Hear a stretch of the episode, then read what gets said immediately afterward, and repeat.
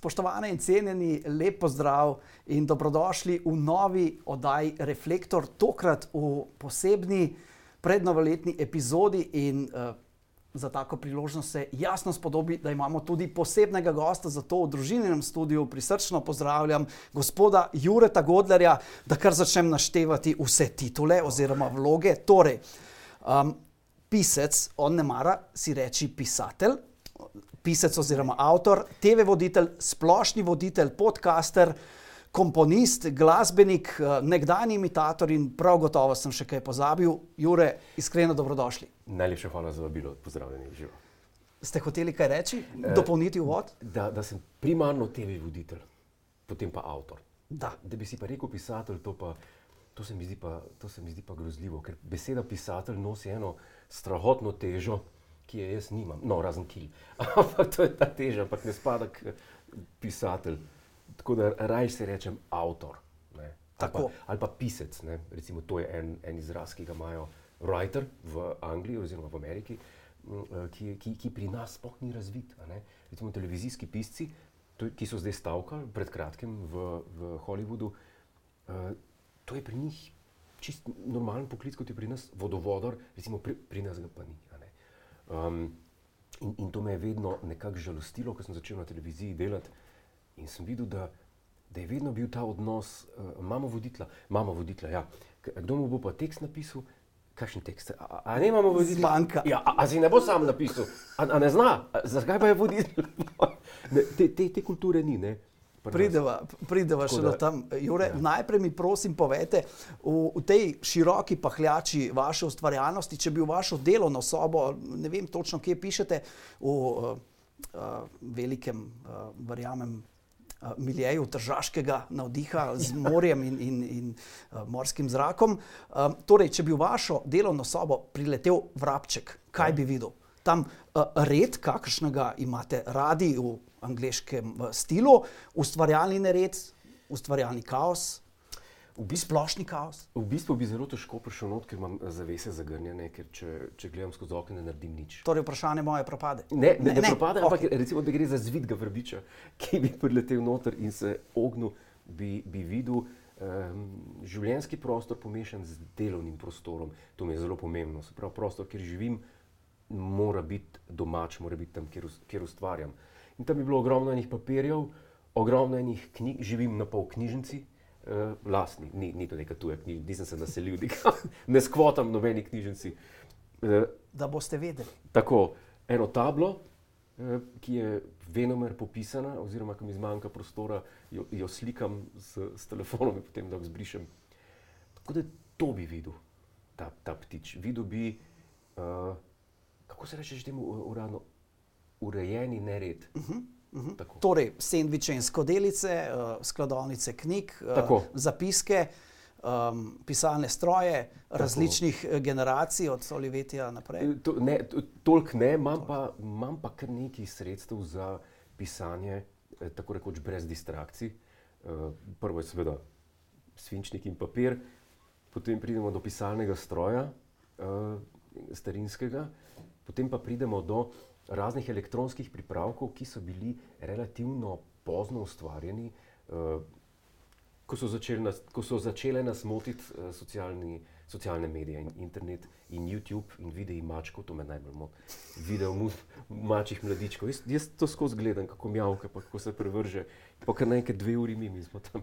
Zato pa rabim. Pa te... ni 2000 besed napisanih, kvote ja, dnevne. Ja, seveda, uh, zato so razvili ene tipkovnice, ki, so, ki imajo hkrati um, display, se pravi uh, zaslon, LCD, na katerega se besedilo izpisuje in nima gor ne povezave do interneta, ne, ne nič. Recimo, te ima mene tri tipkovnice, ampak kakorkoli se človek izogiba uh, računalnikom in tem, pride točka, ki je treba vse napisano prepisati v računalnik in poslati lektorci in nazaj. Ker za čuda ne vem, kako bi gledali, če bi jim poslal uh, svinčnikom napisati. Napisan rokopis. Ja, kot včasih eh, pisatelji, ko so imeli prepisovalke, ja. Dostojevski in tako. Ja, uh, Včasih tudi tako. Vaša žena, uh, gospa, dekle, morda tem. Re, recimo tajnica. tajnica, tako, vse v eni osebi. Včasih so to tako delali, da so posneli se pisatelji, spoh, uh, um, tako imenovanih romanov, šunt romanov, uh, so posneli svoje romane, so hodili v krog, so snemali in so te kasete prenesli v prepisovalnico in so potem tajnice vse prepisali in dali v pregled in tako naprej. Uh -huh. J jaz tega ne bi mogel. Um, vseeno vas ljudstvo, kljub vašim šestim knjigam, čestitam. Um, najbolje verjetno pozna vseeno z televizije, čeprav vemo, da zelo ne radi slišite in ste alergični, ko vam kdo reče človek z televizije. Tako da uh, lepo uh, naprošamo. Alergičen sem, če mi rečejo komik. Komik. Okay. Ja. Ker komik nisem, jaz povem tako, kot je, če je smešno, je smešno, če je žalostno, je žalostno, če je zazjokati, je zazjokati. Ker če človek reče, jaz sem pa komik, aha, zdaj mu pa smešen, potem pa ni, potem je pa kriv, da se je, da se je narobe opisal. Glasbeniki torej, nimajo tega problema. Nimajo. Pridejo na oder, igrajo. Mm. In je na meni dosežen. Ja, ja, ja. ja. Torej, gospod nekomik, prosim, povejte mi malce. Um, iz zakulisja oddaje ta teden z Juretom Godlerjem, ki ustvarjate že vrsto let, ja. koliko časa nastaja vsaka epizoda. Um, prav gotovo imate armado sodelavcev, ljudev, ljudi, ki delajo za vas, ker pač vi ste voditelj in, in samo preberete. In... Tako, Poberete vso slavo, požanjete. Sužnje je normalno, kot se spodobi. Zdaj je to vse delo veliko manjša ekipa, kot bi si mislili. Uh, nekaj sodelavcev, nekaj piscev je, potem je grafik, uh, potem nekdo, ki pripravlja uh, videe, urednik. Oddajo pa pripravljamo vse teden, to je treba biti kar pozoren, spremljati novice, ker m, politično, recimo temu satirična oddaja, kot se klasificira naša oddaja, je takšna, da išče. Eh, bi rekel, primerne teme za norčevanje iz njih. Včasih smo bili bolj naravnani na, na družbeno kritičnost, potem smo se pa vedno bolj uh, ozirali oziroma usmerjali v zabavnost. To tudi meni bolj leži. Tako da bi raje videl, da smo late night zabavna razvedrilna mhm. oddaja, mm -hmm. kot pa politično-satirična oddaja. Ker s politično satiro pride tudi nekaj odgovornosti, ki, ki jih je treba dati. Jaz sem pa zelo neodgovoren človek in ne maram tega. Tako da se rad samo pohecam, iz česar se lahko, iz česar pa ne. Pa ne, ne. Ker, če bomo pogledali zadnjih par let, je svet tak, da je vedno manj stvari za hecati se iz njih. Ne. Ja, in vedno bolj vam pomagajo politiki s svojim obnašanjem. To pa sploh ne. To pa ne morem verjeti. Kako je lahko prišlo do tega, ker smo začeli oddajati ta teden z Juretom Godorjem v letu 2015, marca, in se spomnim, to so bili sestanki, uh, kreativna druženja, smo imeli tablo popisano, eh, pa smo iskali analogije, pa smo iskali primerjave, kako bi nekaj obrnili, uh, kako bi naredili hec iz tega, kako bi naredili sketch iz tega. In je bilo vedno težko v štirih dneh, oziroma v štirih, petih dneh, uh, skrirati to oddajo. Zdaj imamo pa že vse narejeno. Samo malce obrežemo. Ja, ja, politiki nam že vse naredijo tam predsednik vlade reče, da tam z opozicije eh, reče spet nekaj smešnega, kar se obsoja, pa pa predsednica eh, parlamenta pa nekaj zapoje. In to je narejeno, K kaj bomo še počeli? Vam zelo lažje delo. Ja. Um, nisem povedala, da nastaja oddaja na, na Planet TV, tako uh mhm. -huh. kot milijonar. Um, za vikend ste dejali, da ste si ene vloge, namreč voditelja milijonarja, želeli od otroštva ja. naprej. Kaj za vas predstavlja sanskost, ko sedite na takšnem ali podobnem stolu nasproti tekmovalca. To je stvar, ki je, ki, ki je zelo povezana z nostalgijo in z otroštvom, po mojem, ker sem bil otrok, ko sem prvič gledal uh, Kviz Milionar, ki ga je vodil takrat Chris Tarrant v izvirniku uh, angliškem. Potem je takoj zatem je prišel k nam, mislim, da pred letom 2000, ki ga je vodil Jonas. In se spomnim, kakšen vtis je naredil name, kot ko na otroka. To je bilo, to je bilo neverjetno. Sem komičakal vsak teden novo epizodo tega kviza, ker je pa, če ga pogledamo in primerjamo z ostalimi kvizi, neverjetno dramatičen, neverjetno um, rekel, dodelan v smislu luči, uh, zvočnih efektov, glasbe in tako naprej. In tako dalje. Plus, da poleg vse te dramatičnosti pa odpira oziroma pušča še vedno možnost za zabavo z gostom. Za, ker naloga voditelja pri tem kvizu je, da se z gostom, da, da gost oziroma tekmovalcev, tekmovalki pomaga do velike nagrade, da, da mu stoji. In potem pride do te interakcije, ki, ki, ki je zabavna. Tako da vsaka epizoda je ena mini ep zase, oziroma vsak tekmovalec, vsaka runda igre je nek mini ep, ki ga delimo z gledalci in gledalkami. Uh, zdaj pa čas za prvi premor, sicer ne za oglase, ampak za prvi insert. Um, boste pa vi slišali vaše prijatelje. Ja, a so me pluvali? Uh, relativno. Ja. Ja. Okay, hvala lepa. Za zrego preprosto uh, poveš, ne- narediš nekaj, kar je v skladu recimo, z neko splošno uh, sprejeto uh, etiketo britanskega dvora. a Ne? Recimo, tako da sediš na kavi, ne, pa naročiš čaj in potem daš noter dve kocki sladkorja na mesto zapovedane, ene in pol premešaš in tisto žlico malo bližaš, in takrat je on že, ko on je že takrat sam še gmota žolce na tleh, ki se trese in ne more ničesar več in uh, ga moramo potem napumpati uh, s tem, da mu preberemo uh, 16 romanov o James Bondu, tako ful na hitro pa se nekako sestav in gre. To je ta najbolj učinkovit način, uh, najbolj učinkovit način, kako ga spraviti za zrego, pa to, da pohvališ stvari, ki jo delajo in pač človek, ki je skromen, uh, uh, nič ne čimeren ne, in to mu je pa pol tudi pol nerodno. v zadrego. Najbolj preprosto. Mislim, da kjerkoli v javnosti rečeš, uf, si ti v njure iz televizije.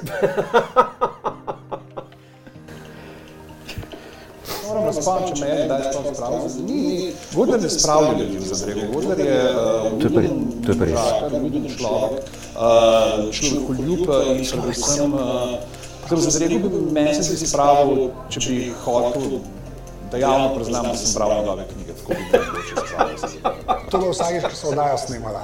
Mislim, da ni epizode opazovalnice, kjer jaz ne bi mogel ali prekiniti, ustaviti ali pa odlagati. Kukor je profesionalc, kar se tiče uh, medijev, ne, ali radia, ali televizije, ali zdaj podcastov, česar koli, je pa še vedno zanimiv, kar, je, kar, kar ne bi smeli narediti za nekoga, ki je toliko časa na steni pri njemu. pa Mislim, da je ta, ta vedro je res brez dna, no, kar se tega tiče. Tako da mislim, da že zaradi tega, ker se v resnici nikoli ne ve točno, kaj se bo zgodilo. Zato, ker je, je tako uglajen človek, približno veš, kaj pričakuješ od njega. Bolj to, da me vedno znova najde način, kako me nasmejati. Oziroma, kako preseneti me s kakšno šalo, ki pri njemu jih je pa zelo veliko in so zelo hitre, zelo hipne. Uh, ker je pač tak, bister človek ne, in zelo tudi načitan, pozna širina je zelo velika pri njemu. Tako mojstersko te stvari počne in tako da, če imate priložnost in gledati pogovor, ali pa brati njegovo knjigo, uh, storite to, to bo dobro naložen čas. In tega smeha nismo zmontirali, res je. Je. Um, človekoljub, načitan človek, uh, ne vreča, ampak vedro brez dna. To je pa prenovitev, to, uh, to prispodobo sem pa prvi slišal, vedro brez dna. Um, čestitam vas, vam za. Ne, najprej povejte, no, kaj, si pa, kaj si pa vi mislite o, o prijateljih in O teh prijateljih. um, prispodobah in oznakah. Jaz, ker Kaj ne drži? Ko nimam kaj lepega za povedati, o nekom sem reč tih, tako da bom ne se se hecam. Seveda, zelo lepo so povedali in moram reči, da, moram reči, da je bilo vse res, kar, kar, kar Vse res, rekli. no, tako. no, ne, ne, ne bom se zdaj hvalil, no, v zadregu ne spravljam ljudi, to je res. Hvala. Um, ne, ne bi se moglo zgoditi, ker se mi zdi, da vem, včasih mi kdo reče na milijonarju, ne, joj, sem se tako bala, da me boste hecali, pa, pa potunkali, kaj sem rekel. Zakaj, če, če, če ni tega namen? Ne? Mogoče čas kdo projicira, ker smo čas malo pikri pri oddaji ta teden, ne, pa, ampak to so politiki, to so osebe, ki, ki odločajo, z njih se najprej treba norca delati in potem projicirajo, zdaj se bo pa z nas tudi na ta način hecu, pa se ne, ne ker, ker ni prav kontekst. Oziroma, jaz razumem kontekst zadev uh -huh. in, se, in se držim tega. No. Odlično. Um, zdaj pa res ne. Moje čestitke za pred kratkim izšlo šesto knjigo, to je četrti roman, kako pravijo temu, tre, tetralogija. Ne? Zaenkrat. Vohunsko, uh, tako, kaj bo, potem bo treba uh, še nov izraz izumiti. ne. K- Ja. Jih imam- Ampak, ja, imate gotovo planu, kaj ja. na zalogi še. Ja. Um, torej, naslov je Naš človek v kafani, parodija na vohunsko-avanturistične žanre, lahko temu rečeva. Um, večkrat ste že izpostavili, pa ne uh, častihlepno, da je to vaš najboljši roman. Zakaj je najbolj dodelan? Ste ga najdlje časa delali ali pač uh, izkušnje naredijo svoje? Jaz sem začel uh, svoj, oziroma udejstvovati sem se začel kot skladatelj, uh, komponist, potem sem to tudi študiral in tam sem se naučil, oziroma tam sem se naučil nekaj o svojem karakterju, in to je, da sem človek, ki, uh, ki vadi nekaj časa, da, da nekaj izpelje. Oziroma, da nekaj izpili do, do te mere, da je, da je potem zadovoljen. Isto se je zgodilo pri, pri oddaji ta teden. Ne? Prve oddaje, ki sem jih vodil, sem bil popolnoma drugačen. Ko pa dobim neko kilometrino, pa imam občutek, da se nekaj zboljšam. Mislim, da je to splošno, uh, splošno pravilo, ki je prisotno pri vseh. In po, po treh romanih napisanih sem se tudi marsikaj naučil in zato sem to rekel, zato se mi zdi, da je, da je, ta, da je ta najboljši. Ker je to knjig minilo in sem se toliko stvari naučil. Glavni protagonist romana je gospod z zelo netipičnim slovenskim primkom Novak. Filip mu je ime, uh, britanski tajni agent oziroma slovenec v britanski tajni službi. Um, recimo mu prikupno zmeden. Ja. Um, in da velite, da preberem svoj najljubši odlomek iz vašega romana, če mi ga Aha, podate, lepo prosim. Um, Moramo pa najprej našim uh, sledilcem, gledalcem uh, povedati kontekst. To je um, moment, ko gospod Filip Novak se pelje z letalom, ki se ga pa namreč letenja se na smrt boji. Nastale so turbulence. In on dejansko ima paranojo in misli, da bo umrl, in da mora ljudem okrog sebe povedati vse tisto, kar je morda prej tako, kar mu leži na duši in je hotel zamolčati. In tam je ena mladenka, asistentka predsednice, za katero se na to izkaže, da je tudi nekaj povsem drugega. To boste lahko prebrali, seveda, v knjigi, um, ki mu je uh, zelo pogodo, povšeči blizu uh, njegovemu srcu, vsaj v tistem trenutku, potem se morda izkaže tudi tam, da bo kaj drugače. Ampak tale izpoved uh, me je res navdušila. On pravi takole. Fiona Sinclair, mislim, da te ljubim. Odkar sem te prvič zagledal, si mi bila tako zelo všeč, da ti ne morem povedati. Pozor tole. Tvoje oči so kot modre frnikole in tvoje ustnice kot polovica nezrelega ringloja in to se mi zdi izjemno. Tako, to sem ti moral povedati, zdaj pa naredi s tem podatkom, kar želiš. Res ganljiva izpoved, ki um, pride do srca. Um, tudi kaj avtobiografskega vmes. Popolnoma, to sem prvi punci rekel. Eh, Zato nisem nikoli prve punce. polovica nezrelega rigloja, to je res fascinantno. Kakšna prispodoba, kakšno pesništvo. Um, kaj je bil, spoštovani Jure, uh, vaš največji izziv pri, pri pisanju tega le dela z dobrimi 300 stranmi? Če, če sem čisto iskren, uh, sem pri teh romanih, všeč so mi dela, naj si bo knjige, naj si bo glasbeno delo, naj si bo umetniško delo, opera, naj si bo televizijska serija ali film, ki me ne pusti ravnodušnega. Se pravi, koga pregledam, preberem, preposlušam, uh, da nisem hladen, oziroma da nisem občutka, no, to, pa je, to so pa šli, uh, to je pa šlo nekaj časa za, za tole. Za nič. Ja, za, za nič. Ali pa niti ni nujno za nič, lahko je v redu, lahko je dobro, ampak če se me ne dotakne na nek način, bodi si, da se popolnoma zgrozim, ali pa da mi je tako všeč, da ne morem še tri dni uh, nehati razmišljati uh, o tem. In zato je to tudi moj izhodiščni uh, pristop pri pisanju teh romanov. In to me je pripeljalo do tega, da zelo hitro vse patrone porabim, kar se tiče zgodbe. Ne, ker iz prvega romana, iz Kazino Banal, bi lahko komot naredil najmanj dva. Iz drugega romana bi, bi lahko tudi dva naredil. Jaz imam pa rad, da se zgodi, da da, da je šokantno.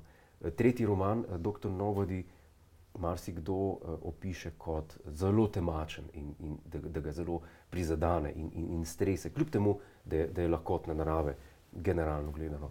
In to mi je všeč, da, da nekoga ali zdrznem, in, ker se mi zdi, da je to na nek način naloga vseh umetnosti. Ker umetnost, ne si bo glasba, ne si bo karkoli, je jezik. In če ti s tem jezikom spregovoriš in se uh, svojih gledalcev in gledalk dotakneš, ali, ali jih zmotiš, ali jih navdušiš, to se mi zdi, da je namen uh, uh, dosežen. In to je največji izziv potem, k, pri vsakem novem romanu, ker vidim, da sem že vse te patrone uh, porabil, kar sem jih imel. Vem, ja, da, da ta avion dol pade, ta se razkrije, da ni ta, ki smo mislili, da je. Um, tega ugrabijo, pa ne vemo, če bi prišli. To so vse stvari, Ljubezen, ljubezenske intrige. ljubezenske intrige in tako dalje. In, in to so stvari, ki jih porabiš, in potem si pred praznim papirjem uh, za naslednji roman. In rečeš, da to smo že porabili, to smo že porabili. Kaj pa še ostane? Ne. basen, a tega pa še nismo. Naslednja bo basen. A, dobro. Lisica, volk, kdo bo nastopil? Sova. A, sova. Ja. Um, zaradi seveda agencije varnostne, Tako, ki, tako, ki tako. domuje blizu planete Veja in Čuka, Tako. eh, lokala, ki je tudi uh, Ja. opisan v, v knjigi. Um, ko sem prebral roman, se zaradi njegove nerodnosti in vedno novih uh, zapletov, ki jih ta povzroči, nisem mogel izogniti usporednici z gospodom Binom. Uh, ki ga je toliko krat v filmih kultno uporabil Rowan Atkinson, upodobil, ne uporabil ja. Rowan Atkinson. Zanimivo, um, nekoč uh, v tistih um, gagajovskih časih in um, časih Hribarja ste ga imitirali tudi vi. Um, v, v prvih letih sodelovanja s, z žal pokojnim Sašem Hribarjem, kako je bilo videti, ko vaju je Tilen, uh, s Tilom Martačem pri kakšnih dobrih 20 letih Sašo dobesedno vrgel v vodo nastopanja imitiranja. To je zelo lepo povedano, ker, ker se je res tako zgodilo. Uh, jaz spomnim se, Mr. Bina, sem, to, je ena, to je en spomin, ki sega, mislim, da v drugi razred osnovne šole, tam 92 leto. Se spomnim, je bil Mr. Bean takrat po televiziji in jaz sem to gledal. Sem... Se spomnite, se opravičujem, tudi tiste nanizanke Črni gat. Tudi. Tudi. Ampak ti sem bil pa mal premlad, pa nisem uh -huh. čist razumel Ja, ja. teh uh, šeksperijanskih referenc in, in tako naprej. in tako. Dovolite, da, da uh, narediva en uh, avtobiografski ekskurs. Mene ja. so klicali črni, ba je, naj bi bil, um, ko smo bili ministranti, so mi sta, starejši, so mi pravili črni gat ali pa ja. bin, ker ne bi bil, ba je podoben. a veste. Yes, no. Oh, no, no, yes, yes. ja, ja. Ja, to, to, to je izjemen lik. Kar me je pa najbolj nav- navdušilo pri tej stvari, je bilo pa to, ker otroka ne navdušiš s stand-upom, intelektualnim ali pa buktastim ali pa, ali pa z, ne, z nekim sitcomom, kjer se ljudje pogovarjajo, pa je smešno. Otroka navdušiš z nemo komedijo. In Mr. Bean je bil ena redkih stvari, ki je bila nema. Pred njim je bil sicer eh, Benny Hill. Uh -huh. Ampak Benny Hill, ker m, Rowan Atkinson je v bistvu zamenjal Bennyja Hilla, ki so ga takrat umaknili in je, in je tudi delal. On ima sicer razvedrilno oddajo, sestavljeno iz uh, prepevskih točk, iz sketchov, iz pogovorov in iz nemih sketchov. Tako da Angleži so vedno ostali pri tej nemi komediji, ki je bila meni neverjetno blizu, Chaplin uh, in, in, in podobni, ker se mi zdi, da je veliko težji kot pa vice pokat na, na odru. In sem gledal tega Bina in se mi je zdelo tako noro, in potem se spomnim, da sem šel spat in sem ga v posli oponašal. Sem rekel, in takrat sem začel nekako s tem likom, ki mi je pol ostal naprej. Potem smo se po srednji šoli z Tilnom Martačem odločili, oziroma takrat je bila oddaja tistega lepega popodneva, ste vodila Vlado Bizovičan in Anja Tomažin takrat. In eh, so nam rekli, ker smo pa učitelje oponašali v sred- srednji glasbeni na konzervatoriju in so rekli, pa kaj se pa ne prijavita na ta pet minut slave, ki je bil en uh -huh. segment. Ne upata, ne upata. Kaj ne upava? Ja, kdo ne A. upa? No, smo se pa prijavili, seveda so naj kontaktirali in smo bila v sredo na sestanku za nedeljkovo oddajo. Za, za nedel, z, v sredo za nedeljsko oddajo. Ne za nedeljkovo. To je, to je med nedeljo in ponedeljkom en čas. Ja, ja, Nedeljek. tako. In po sestanku, oziroma ne, mi smo prišli na sestanek, potem ko je ekipa tistega lepega popodneva končala produkcijski sestanek za to isto nedeljsko oddajo. In tam je bil tudi Sašo. In naj na hodniku, ko so odhajali, sreča. In reče, uh, kdo ste pa vidva, fanta. In sem rekla, ja, imitirala bova v nedeljo. A ja, ja, ja kaj pa imitirate? Pa sem rekel, iz Buša, eh, to Tilen je imitiral, ogromno njegovih likov in tako naprej. Je Rekel, ja, pa pridite na Gaga v petek, ne? Eh, Petkovo dajo Gaga. Se pravi, ona je povabil na Petkovo dajo Gaga, pa ni slišal niti ene imitacije od nobenega, ne moje, ne Tilnove. Sva rekla, ja, v redu, pa Tilen takrat sicer ni mogel, jaz, jaz sem pa prišel v petek pred nedeljsko oddajo, kjer sva nastopila prvič v bistvu. Z Bušem. Z Bušem, z Švarcenegerjem, pa z Mistrom Binom, Tilen je imel pa Čolnika, pa te uh, uh, Drnovška, mislim, da je imel pa, pa, pa te like. In tako se pa potem, tako se je pa potem začel. Uh, Tilen se je, ker je takrat še študiral v Zagrebu, mislim, da. Uh, in se je kasneje priključil, pol, čez, čez par mesecev, ko je imel, ker ni imel več toliko obveznosti. Tako, tako se, je Se pravi, Sašo je imel to zaupanje do, do mladih. Takrat bi lahko Ja. spodletelo, ne.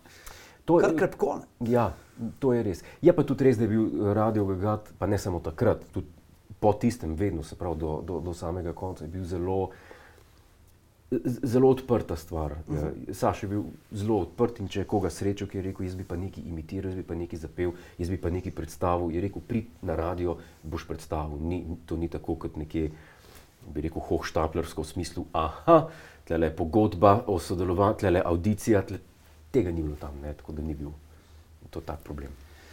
Um, zdaj pa, spoštovani Ure, je čas za insert številka dve Jo. s prijateljem, ki ste ga že videli, zdaj le še malce na daljši način. A se ga bom spomnil? Bog si ga vedi. V bistvu naj oba povezujejo zelo različne tematike, pa kdaj tudi na mal drugačen način, uh, ampak vedno so pa stremela k temu, da je pač na, na nekem nivoju pogovora, um, ki zdaj v teh časih mečken izostaja. Vsi smo nekaj prešaltali na, na, na socialna omrežja, da, na to, da lahko vse, kar nam kadarkoli pade na pamet, napišemo in to nekje obvisi in mi grede se kdo užal, ne pomisliš na nekoga.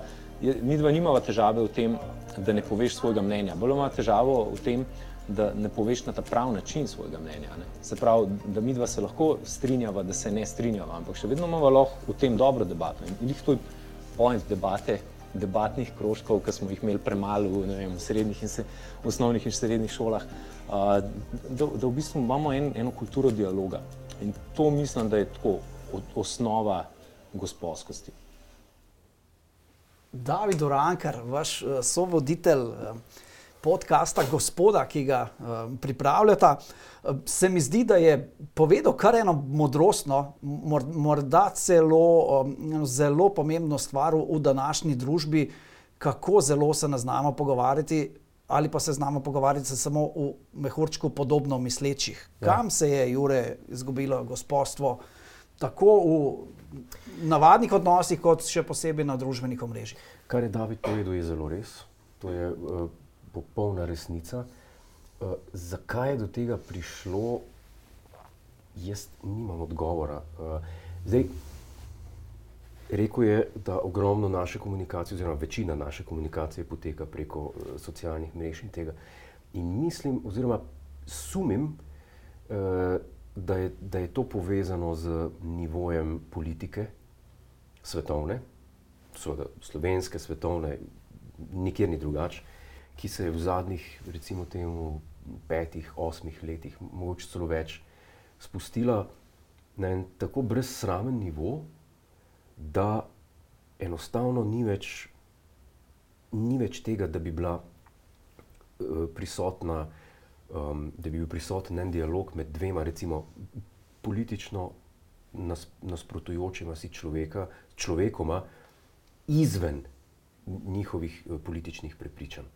To sta, to sta dva človeka, ki sta skregana med seboj zaradi mišljenja. In opažam, da je, da je osnova tega problema primarno v tem, da vsak izmed njih misli, teh nas, nasprotujočih si uh, ljudi, da je moralno na, na višjem nivoju in iz tega izhaja. In, in, in potem pride do, do, do popolnega kreganja, nizkotnega do- in celo do, se nevarne stvari dogajajo, to so grožnje in tako naprej. In iz politike se je zadeva uh, šla vse naprej. druge pore družbe. A, absolutno, absolutno. To, Kaj lahko vsak od nas stori, da bi bilo nekoč drugače? Začne pri sebi, v svojem krogu. Jaz mislim, da je osnova, ki bi jo morali ljudje imeti na, na prvem mestu, kar se tiče pri medsebojnih odnosih, je spoštovanje do sočloveka. Ker če imaš ti spoštovanje do sočloveka, pa, ti, pa ta človek govori o stvarih, oziroma um, verjame v stvari, ki ti popolnoma ne verjameš v njih, mu vedno lahko rečeš, to je tvoj pogled, me, me veseli, jaz gledam na to drugače, lahko tukaj kaj naumiva skupaj za skupno dobro, ne, prav, pa nič. zdaj pa na per. Ne, ne, pa, ne strinjam se s teboj, jutri te bom pa ubil zaradi tega. To se mi zdi, da je napaka. Da, da nimamo tega spoštovanja do, do, do ljudi, ne glede na, na, na prepričanja. Nimamo pa, ga pa zato, ker in so človek, in mi imamo vedno občutek, mi smo pa, mi smo pa moralno više kot ti. Jaz vem Ti več, tega- ja. Ja, Ja, jaz ja, vem ja, več ja. kot ti, jaz sem pa več prebral kot ti, ti, ti imaš pojma. Pa, pa, pa ima takrati oba prav in oba narobe. Mhm. Ne, in, v osnovi ste pa skregani. A se džentlmenstvo ali pa kavalirstvo, ali, ali ločujete te dve stvari? Na to se ne, spoznam. Aha, okay. Najbolj jaz bi rekel, da v modernem svetu, v katerem živimo, so to stvari, ki so izumrle. In bi spet rekel, da ostanki džentlmenstva, kavalirstva se najbolj dan danes eh, pri človeku kažejo, pri, tako kot sem rekel, medsebojnih odnosih in spoštovanju. Ne. Nisem pristaš, da bi zdaj prišel na konju, pa, pa da mi uh, krinolino, pa jo pospremil tam, pa konjenico okoli nje na kavo. To, to, to so stvari iz preteklosti. Zanimive sicer, ampak iz preteklosti. Ampak če je pa eno spoštovanje prisotno, je, je, pa, je pa to že polno narejenega. Vse vendarle je to spoštljivo kavalirstvo, um, ki, ki naj znači našo družbo in, in čase, da privzgojiti, kje smo, ka, kaj je šlo narobe.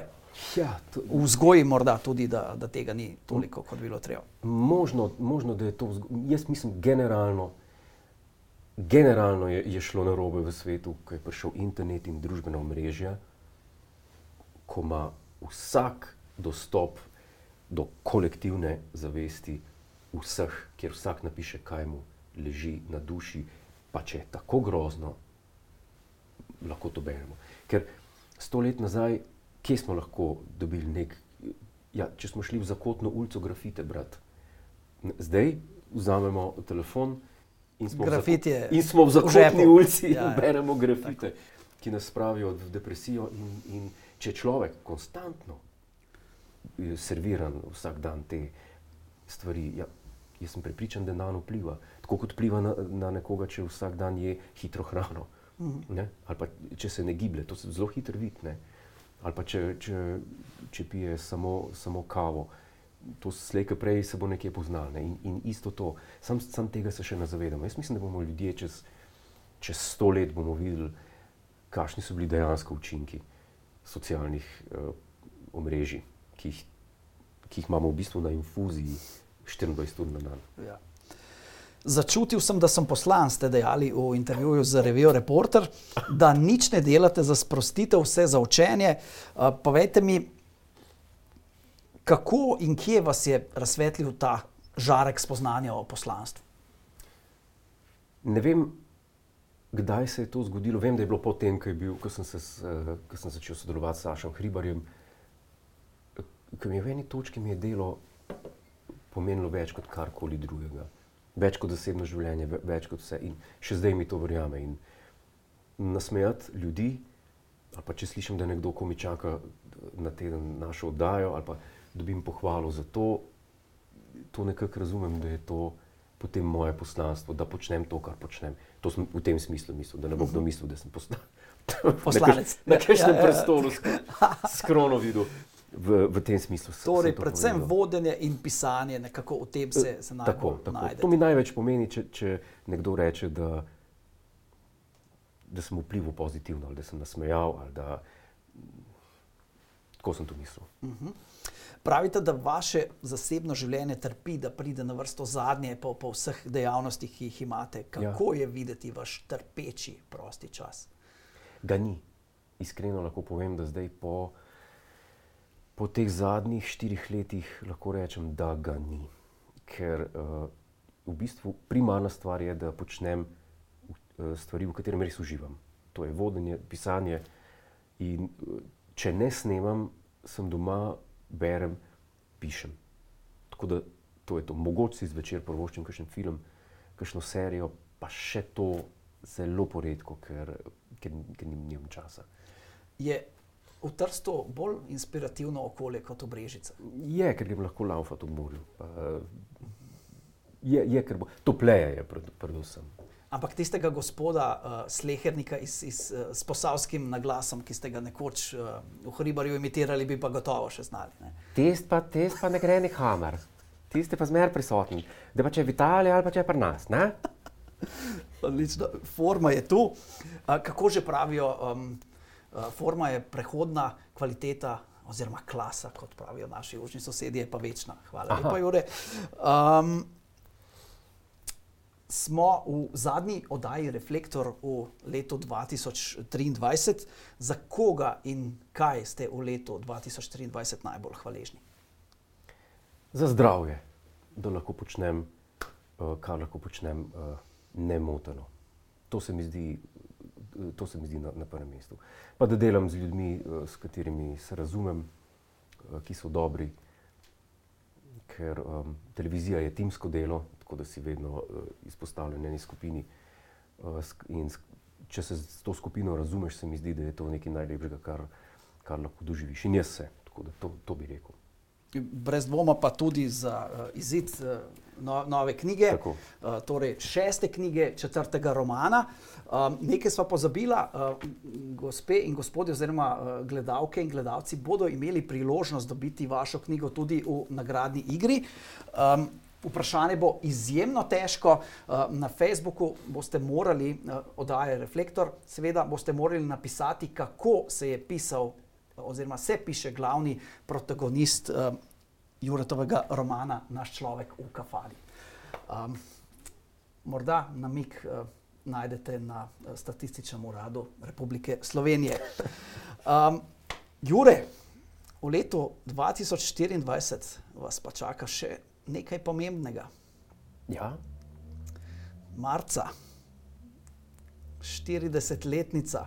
Kakšen žur si obetate in koga bi pa vabili, če bi bila omejitev nebo? Iskreno povedano, jaz uh, ne praznujem rojstnih dnevov, ker sem se vedno, ne vem zakaj, počutil um, grozli, uh, ne, nezaslužnega se počutim, če mi nekdo čestita za rojstni dan. Potem je treba mami in očetu čestitati. Tako, tako če čestitke, jaz, jaz nimam nič pri tem, res.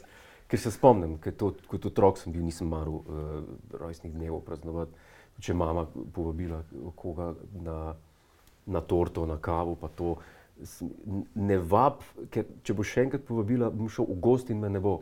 In, in sem res šel v gost, pol naslednjič. Ni, ne, ne vem zakaj, to ne rad praznujem uh, svoj rojstni dan. Sploh, ko je taka cifra 40, to je veliko že. To je, Velik, že človek ne, pade v, v krizo srednjih let, morda počasi. V krizo srednjih let. Ja. Malce tega občutim, ampak kaj bo zdaj o meni? Gro, groza mi je, na zadnje, ko sem pogledal na osebno izkaznico, sem bil presežen tam 19-20. To je še enkrat tok. Kar nekaj časa ste imeli zataknjeno osebno denarnici, verjetno. To je še enkrat toliko. Ja. Ampak vseeno, vnaprej vam voščimo vse najboljše in Hvala. pa na, na torto ne pridemo. Bom poslal. okay. Hvala lepa za obisk. Mi dva podolgujeva še voščilo dragim gledalcem in gledalkam ob koncu leta in za prihodnje leto, seveda, veliko zdravja, zadovoljstva, veselja ob vsem, kar boste počeli in seveda blagoslova, pa grejte reflektor še naprej. Hvala lepa, Jure, za obisk v našem studiu. Z veseljem. Upamo, da je bil vsaj malce zabaven pogovor, meni je bilo super in morda se, se vidimo še kdaj. Z veseljem. Hvala in srečno. Vam pa nasvidenje in vse dobro v novem letu.